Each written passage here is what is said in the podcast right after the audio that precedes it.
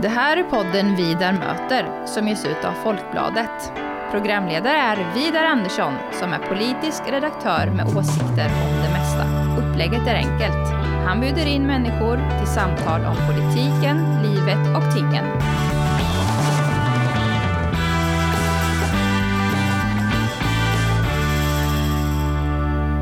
Välkommen till Vidar möter Tobias Bodin.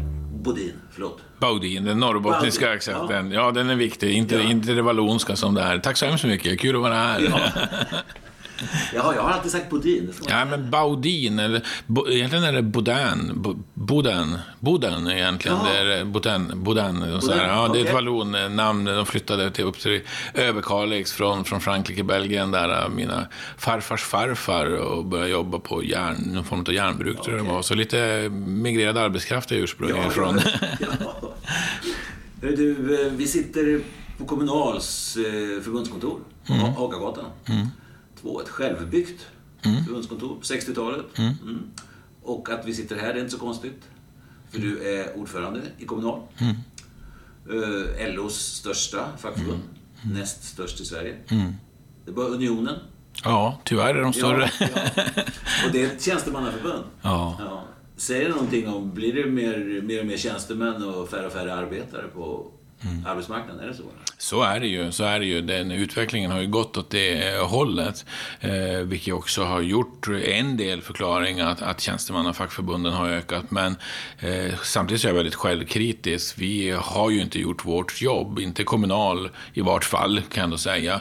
Eh, vi har inte haft nog fokus på medlemsvärvningen och det har gjort att vi faktiskt också har tappat i organisationsgrad. Och det är det som är det viktiga. Alltså hur stor andel som är medlemmar i facket. Och det är bara att se, det är tjänstemännen och akademikerna har lyckats bättre att LO-förbunden. Och det, det ger mig en tydlig signal att vi måste skärpa till oss och jag tror också att vi måste våga förändra oss. Och, och det är ju, har jag starkt fokus både förändra oss vad vi erbjuder som fackförening men också förändra vårt sätt att ja, men driva på och ta plats i, i samhällsdebatten och bli en större maktfaktor tror jag är viktigt för, för oss i kommunal i vart fall. Ja. Hur hög är organisationsgraden nu då? Ja, det är lite olika, men är, framförallt är det ju offentlig sektor som vi verkar och där är den ju, ska jag säga, bland de högsta i, i landet, så att den ligger nog uppåt en 80 procent ändå. Så det är ju bra, men vi har ändå tappat, eh, tappat ändå, så att vi får passa oss för framtiden. Vi måste vända på det här. Och, men nu har det ju gått bra. I fjol var ju det ett år då vi faktiskt ökade organisationsgrad. Vi växte ju eh, med över 16 000 medlemmar, samtidigt som SKR faktiskt hade färre anställda i fjol än året innan. Och då förstår man, då har vi vuxit ganska mycket i organisationsgrad och det är ett styrkebesked. Men nu gäller det att det här inte blir en engångsföreteelse. Då måste vi fortsätta den här resan framåt. Mm. Och en, eh, en väldigt viktig del utav verksamheten då i off- offentlig sektor där ni organiserar medlemmar är ju äldreomsorgen. Mm. Och äldreomsorgens olika verksamheter och medarbetare, organisation och så har ju verkligen hamnat i centrum Mm. under den rådande pandemin, kanske framförallt under förra året och Mm. med Coronakommissionens rapport. Och, och eh, så många människor som dog inom Mm. äldreomsorgens verksamheter. Hur tacklar ni det där? För jag har mött båda reaktioner. Dels liksom folk som nästan eh, ja, svär och spottar över äldreomsorgen. Och dels medarbetare som känner sig otroligt orättvist beskyllda. Alltså för att de, de har en jättebra verksamhet. Och ändå mediabilden blir att de är liksom ansvarslösa idioter nästan. Nej men precis, och det är såklart balansen samtidigt som äldreomsorgen har ju brister. Bland annat att det är många gånger för slimmat bemannat, men inte minst att det är så stor andel med otrygga anställningar. Över 30 procent i den svenska äldreomsorgen har en tidsbegränsad anställning, vilket gör att det är mycket folk in och ut i den här verksamheten, vilket inte är bra för, för de äldre eller för de som jobbar där. Och så har vi vetat då att utbildningsnivån många gånger har brustit. Alltså det skulle vara framförallt undersköterskor i äldreomsorgen och sen vårdbiträden, men man måste ha utbildning som vårdbiträde och det finns fler outbildade. Så att det är därför vi ändå har försökt att säga att eh, det finns brister i äldreomsorgen, vi måste åtgärda dem. För det, det fantastiska som händer nu det är att våra grymma 40-talister här kommer att gå tungt in i äldreomsorgen. Det var ju någon som kallade det för ett köttberg, det skulle jag aldrig våga göra. Utan det är Sveriges största generation någonsin och med väldigt starka krav på sina rättigheter och det har de. De ska ha en bra äldreomsorg. Och då tänker vi, när vi ändå ser de här bristerna nu, nu måste vi förbättra. Därför krävs ett äldreomsorg äldreomsorgslyft länge. För över mm. två år sedan gjorde vi ihop med PRO. Men det har ju varit så här att ingen har velat lyssna på oss lite grann där, men ni larmar bara. Men vi vet hur det ser ut, vi har ju mätt det, vi vet ju precis hur situationen har varit. Och då är det ju så att, precis som du säger, nu, nu pratar ju alla äldreomsorgen och, och det är jag ju glad för och tacksam för, äntligen. Men det är ju lite grann så här dubbelbottnat. Mm krävdes det verkligen pandemi med så många döda för att man skulle sätta fokus på det här. Så att Coronakommissionens delrapport det är bara att sätta bock i kanten på exakt samma frågor som vi har drivit länge i kommunal, men då vi upplever att nästan ingen har velat lyssna på oss. Mm. Och det är ju det här med, med alltså personalens villkor, utbildning, yrkesskicklighet, det speglar också kvaliteten. Och sen är det ju så att i, i stort, vi har ju, jag skulle säga, vi har bland de bästa äldreomsorg. Och sen Nordens länder har ju världens bästa äldreomsorg, det är inget snack mm. om det. Sen, sen ligger vi efter lite grann på vissa punkter, Sverige, men, men det finns ändå förbättringar att göra. Och ett problem är att den är så ojämlik. Det så olika ut. Här är starka förhoppningar nu på regeringen mm. som ska gå fram med en ny äldreomsorgslag. Att det inte här nu bara blir massa pamfletter utan att det här blir på riktigt. Till exempel riktlinjer om just bemanning och utbildningsnivå. Mm. Det är ju A och O i äldreomsorgen. Då måste det finnas med också den nya äldreomsorgslagen. Men om man tar de här utbildningsnivåerna. Jag tänkte Jan Björklund, eh, den förra utbildningsministern då, drev ju väldigt hårt till exempel lärarlegitimation. Men så kom ju den krassa verkligheten. Mm. Det finns det finns, Nej. finns inga. Det räcker inte det. Precis. Men hur, hur, är det på utbildningsmaskineriet mm. då, om man mm. säger så, för, för vårdbiträden och undersköterskor? Mm. Som mm. nu dessutom är en skyddad titel mm. enligt ett riksdagsbeslut. Det är Precis. en av era stora frågor. Ja, det är det ja. Och det är ju bland annat för det här resurslöseriet som har varit. Man har hittat på egna utbildningar. Privata företag kan hitta på en undersköterskeutbildning. Men en kommun kan undersköterskeutbildning. Men ska du börja jobba i grannkommunen, ja då säger man du är inte undersköterska för du saknar det här. Det är ju ett resurslöseri. Nu vet vi också att all utbildning, yrkesvux, gymnasieutbildning, Går man här, då blir man undersköterska. Mm. Och kallar man sig för undersköterska, då måste man ha den här kunskapen. Mm. Vi ska också klart också jobba med validering, så man kan omsätta den här i en skyddad yrkestitel. Mm. För att veta, jag är undersköterska, ja men då kan du det här. Det är också viktigt för patientsäkerheten. Men om man ska prata Jan Björklund så tror jag också att han var en förespråkare för vårdbiträden.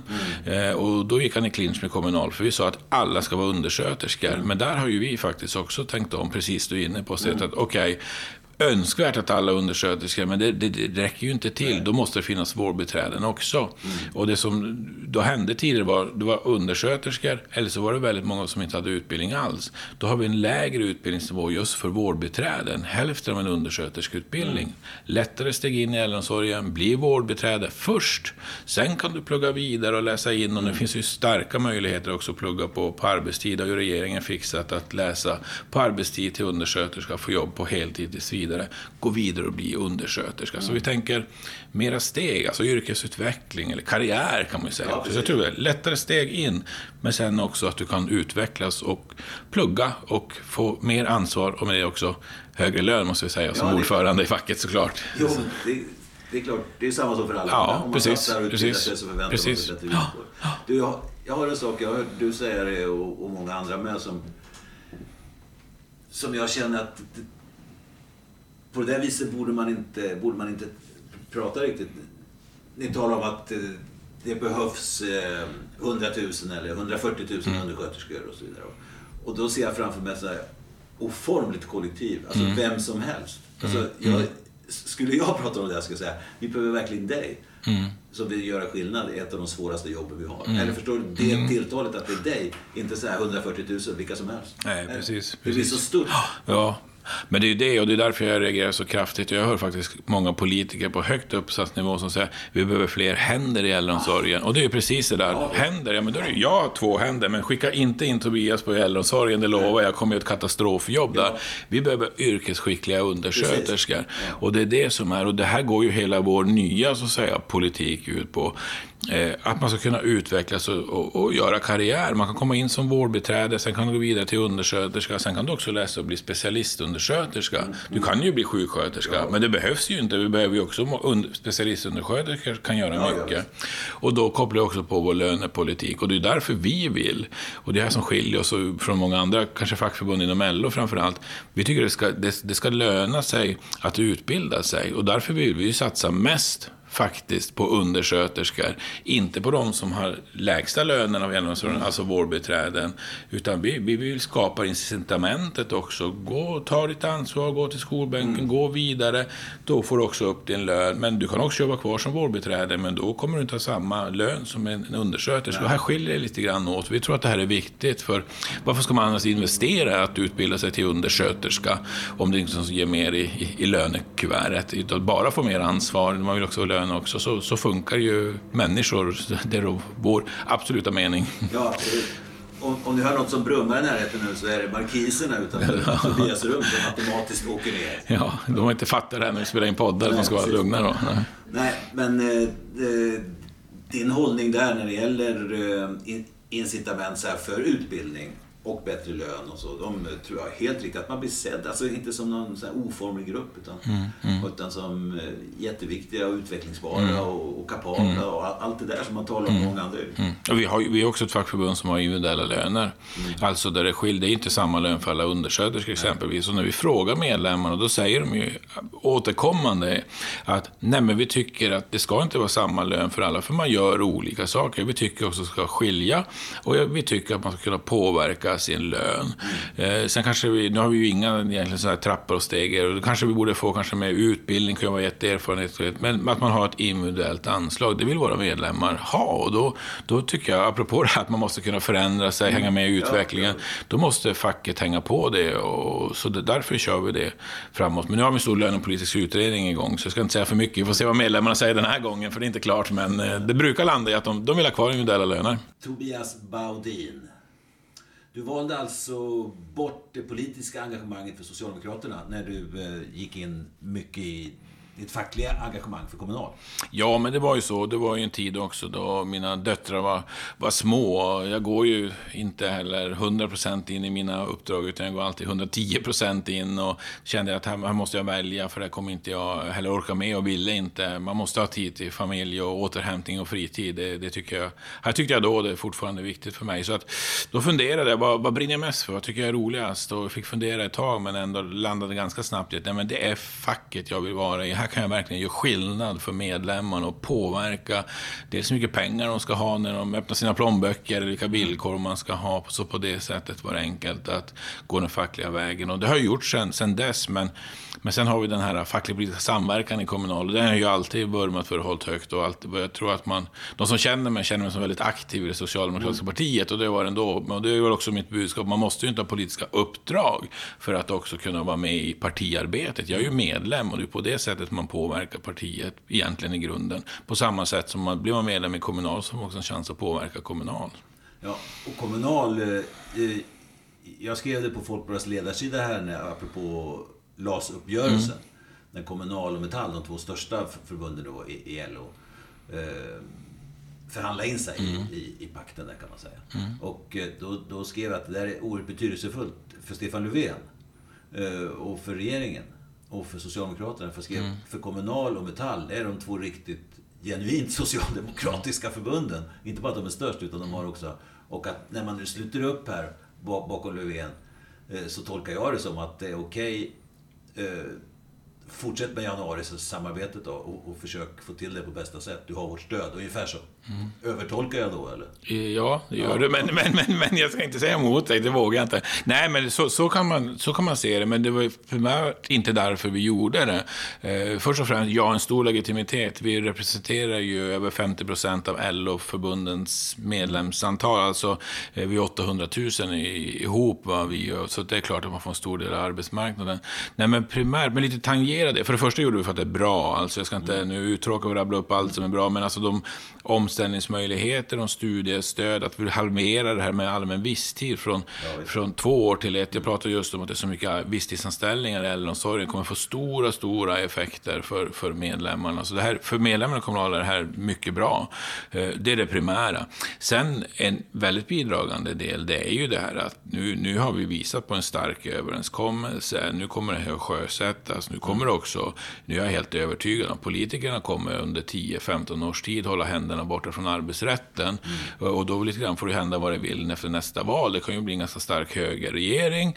Mm. Fråga mig om olyckan är framme. Men de kommer inte se på arbetsrätten, jag är rätt övertygad om. Parterna har slagit tillbaka och visat på att vi sköter det här. Och det är ju extremt mycket mm. värt för, för mig när jag spanar in i framtiden, att kunna få den, den, den så säkerheten. Men sen för oss som förbund var det ganska självklart när statsministern och arbetsmarknadsministern sa, efter att den ena LO-styrelsen sa nej till det här resultatet då som Svenskt Näringsliv och PTK sa ja till, då sa ändå regeringen, vi går ändå vidare med det och så skrotar vi Tagerutredningen. Och då måste man ju någonstans bestämma sig, okej, okay, de kör ändå. Mm.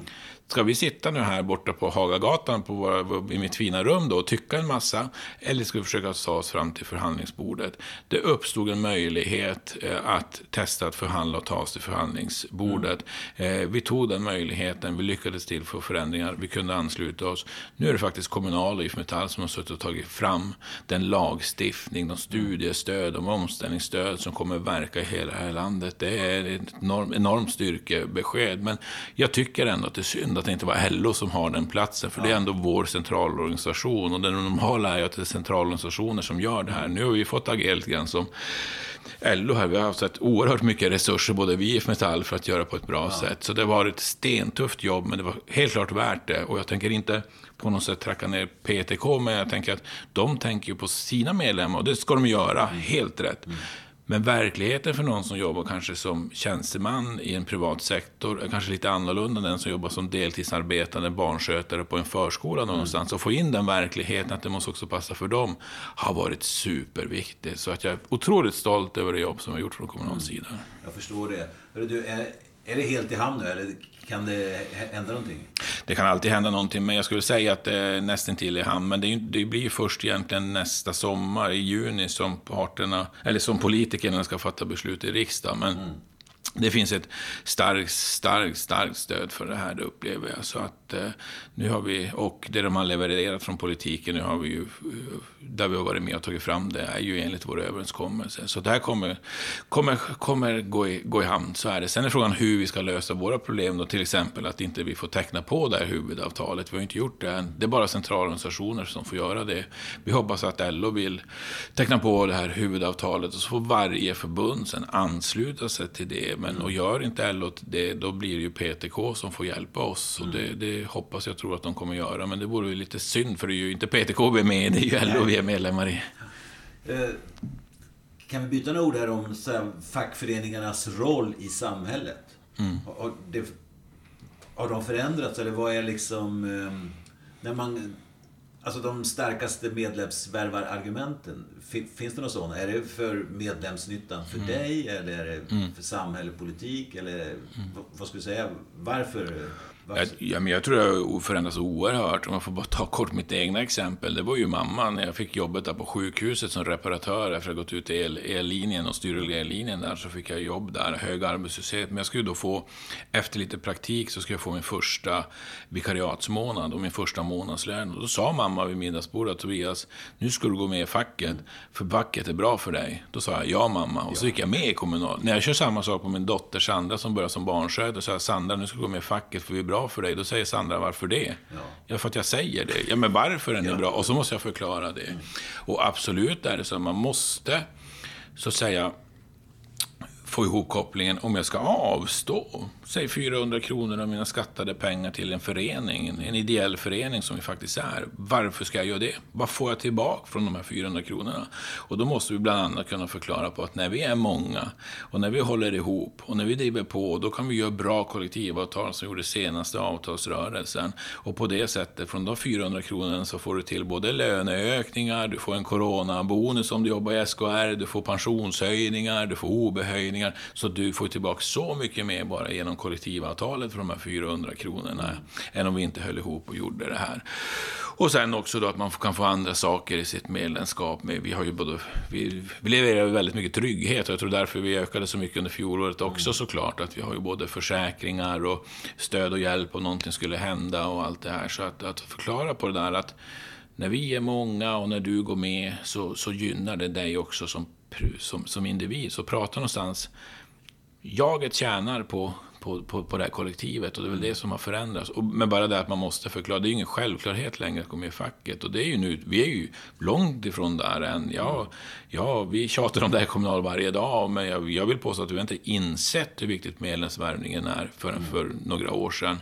När vi just började titta, började tänka på organisationsgraden, vad händer, hur förändras arbetsmarknaden? Så att ja, men vi, har ett, vi måste förändra oss, vi måste modernisera oss. Eh, det är avgörande för att vi ska kunna fortsätta ha en stark position på arbetsplatsen och med arbetsgivarna, men också tror jag i, i samhället. Mm. I den fackliga världen, i Sverige i alla fall, det ser annorlunda ut i andra länder, men där har du väl ingen, ingen konkurrent, om man säger så. så nej. nej. Men i den politiska världen, om vi ska närma oss den lite, för det är mm. också ett, ett stort uh, intresse för dig. Uh, och så är det ju så att Socialdemokraterna har ju strukturellt så här mm. backat från mitten av 70-talet. Och uh, under några val i rad så har det varit de sämsta resultaten. Mm. Nu har vi haft så skickliga ledare så det är ändå Socialdemokraterna ja, som regerar. Det är, ja. helt Ja, det är otroligt. Ja, jag vet.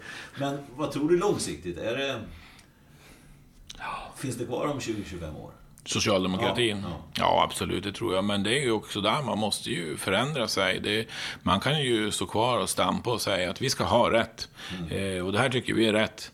Eh, och tills vi kan få igenom allting som vi tycker är rätt så tänker vi inte gå med på något. Eh, det finns ju mm, vissa som tycker så. Eller så får man göra som man har, har, gör nu. Eh, vi tycker det här, är egentligen är en, det här är egentligen en politik vi ska göra om vi hade 51 procent av svenska folkets stöd. Nu har vi inte det. Då måste vi se vad kan vi då göra för att ändå vara med och, lite grann som kommunal då, vara med med bordet och påverka samhällsutvecklingen.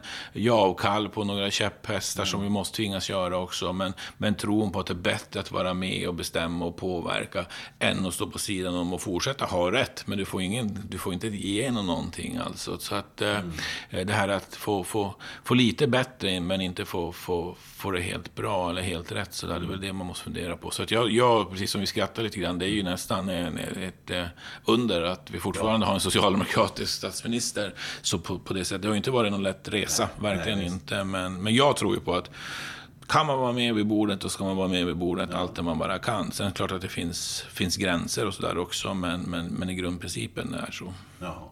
Nej, jag är helt enig med det där. För det, det, går ju en linje, jag skulle inte säga i mitten av arbetarrörelsen, utan någon annanstans i arbetarrörelsen. Mellan liksom de som menar att om vi inte får som vi vill så är det bättre att gå i opposition. Ja, det är ju... Ja, det, nej, det är ju... Det är, nej, det är inte min... Nej, det är inte min. Nej, men jag förstår ju den och den kommer lite här och där, ja, ser jag. Och jag, jag har så otroligt svårt att förstå det. Eh, det är bättre att eh, Ulf Kristersson får bli statsminister mm. med Ebba Busch och med stöd av Jimmy Åkesson. Och så kan de göra vad de vill under fyra år med det här landet. Och sen tron då på till exempel göra om skyddsombuden till mm. några som, ar som arbetsgivarna kan, kan utse. Men sen efter fyra år, då kommer vi tillbaka och så ska vi vrida allt det här till rätta. Mm. Det, snacka om, det är högoddsare kan jag säga att det skulle, hända, skulle bli så. Ja, och sen är ju själva, ja, själva regeringsinnehavet är ju väldigt viktigt. för du, mm. du, är, du kan ju påverka och styra så väldigt mycket. Ja, ja. så är det så är det Och man sitter med, man sitter med vid bordet. Ja, nej men så är det ju. Och det, det är klart att eh, det kommer inte bli så nu det finns inte på kartan. Jag förstår inte hur det ska bli. Men det är klart att, att nå, lämna över till, till uh, Ulf Kristoffersson nu att bli, bli, bli statsminister och gå in i ett valår och en valrörelse mm. vore ju inte så smart heller. Mm. Så att, uh, nej, är klart, då ska man sitta med och styra det man kan. Det, så, så är det. Mm. Eh, det fackligt politiska samarbetet, du, du mm. nämnde det förut. Och mm. Det där är ju är jag uppväxt med. Och, min generation och kanske din generation mm. också, men så, så här, mm. delar av samma träd och mm. alltihopa detta. Mm. Och så vidare. Är, är det någon... Ehm, är det någon stund i det fackligt-politiska samarbetet? I kommunala är det ju det. Ja. Eh, både och. Jag, jag samtidigt så tror jag att en del var kanske arga på mig. Men det är ju så van nu för tiden, så man får arg på mig. Men jag, bland annat så tog vi beslut om att dra in partistödet till Socialdemokraterna. Ja. Apropå att hänga med i sin tid. Mm. Nu är det fortfarande 50 procent av medlemmarna kommunal som röstar på Socialdemokratiska partiet. Mm. Så det är ju ganska högt ändå.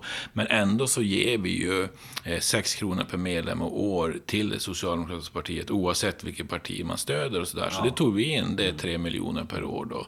Så vi ger inte de pengarna eh, för jag tycker att det, det, äh, det, det, det är lite omodernt att göra på det sättet. Så att vi har de pengarna själva. Men däremot så gör vi ju väldigt mycket då, just fackligt politiskt. Och vi har utbildningar nu, man kan påverka i det politiska rummet. Vi har spetsutbildningar för de som ska in i, i socialdemokratin, gärna i riksdagsgruppen nästa mandatperiod eller i regionen eller kommunen. Så vi stärker på det, det, den vägen. Vi gör ju mycket stora insatser i valrörelsen också. Och någonstans så tycker jag vi i facket också lite grann ta pengarna och så gör vi inte så mycket. Alltså jag tycker facklig politisk samverkan är, jag, det är också att vi måste vara aktiv för att få in fler kommunalare i politiken, mm. men också göra ett aktivt arbete för socialdemokratin i valrörelsen. Det är det vi levererar. Men sen vill vi ha en politik som gynnar medlemmarna. Det är så, så här lite byte. Ja, det, var ju, det var ju också därför grundidén varför man startade partiet. Mm. Och den håller ju idag. Vi har ett parti som vi jobbar i för att få... Vi, vi kommer inte hela vägen i förhandlingsrummet. Vi behöver politiken.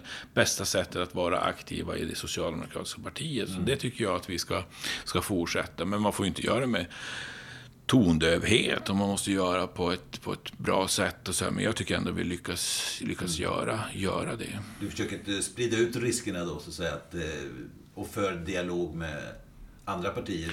Säg att det skulle bli en moderatledd regering, då är det naturligtvis viktigt att ha bra relationer. Ja.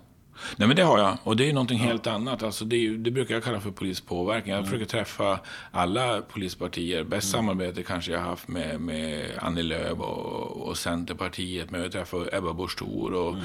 Och jag vet inte om man får säga det, men pratas vid telefon några gånger och sådär. Och det är ju jätteviktigt. För det är klart, jag ska ju göra allt jag kan för att medlemmarna får det bättre. Ja. Helst vill jag att Stefan Löfven hade 51 procent, mm. men så ser inte verkligen ut. Så det gör jag. Jag träffar eh, andra mm. partier och gör det. Och jag har varit på olika Moderaternas riksdags riksdagsgrupper och utskott flera gånger och, och Vänsterpartiet också. Och så där. Så, nej, men det gör jag och det, det ena företar för, inte det andra. Och mm. jag, jag, jag upplever att det finns en stark... Man förstår att det är så. Det är inte så, så konstigt. Och som sagt, hälften av medlemmarna röstar ju på det partiet och så också. Så mm. att, och, och frågorna ligger nära oss. Så att, nej, det, jag tror att det går, det går att hantera. Så den finns där. Men, men återigen, man måste... Jag tycker det med partistödet är att... Alltså bara säga att vi ska fortsätta som vi alltid har gjort. Vi ska inte ändra oss.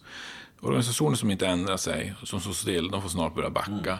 Så att man måste också modernisera facklig samverkan och hitta nya sätt. Till exempel när vi är ute och pratar val så kan vi prata att värva medlemmar samtidigt. Mm. Så att man gör flera saker samtidigt. Så att, ja, facklig samverkan ska inte avskaffas, det ska utvecklas, eller hur var sloganen ja, där gick? Är det något här som eh, du, du, tycker vi inte har varit inne på, men som vi borde ha varit inne på? Eller något du vill eh, skicka med? Nej, vi var väl inne på, på det mesta, men, men bara säga några ord om den stora utmaning vi står inför som land just kring välfärden. Det är väl mitt budskap i alla fall, att vi måste göra många som hjälps åt nu för att det kommer behövas byggas jättemycket förskolor och skolor och sjukhusen måste, sjukvården måste utvecklas, men inte då minst äldreomsorgen här. Så att jag ser fram emot att man, vi fortsätter den här debatten, diskussionen om att stärka välfärden och jag hoppas verkligen nu att det inte bara bara var för coronapandemin och att strålkastarljuset och medias ljus var just på äldreomsorgen som alla pratade äldreomsorg. Jag hoppas att man fortsätter att göra det. Så att, och vara ordförande i det här välfärdsfacket och det brukar jag säga till det mina, för jag har ju siffror på hur många fler som behöver anställas. Det gör ju att bland annat har sagt att vi ska ha minst 600 000 år 2030. Det är för att vi är en sektor som växer så det knakar. Och när vi gör den här välfärdsutbyggnaden nu, låt oss göra det på ett smart sätt, både för de anställda, medlemmarna i Kommunal, men såklart också för samhälls samhällsmedborgarna. Så här behövs många röster och många krafter som tänker ut smarta strategier framåt. Lycka till, får man säga det? Även om Tack. det är ett lite besudlat ord i politiken. Ja, men tackar, tackar. Ja. Det tar jag emot. Allt väl. Ha det bra, Tobias. Tack så mycket.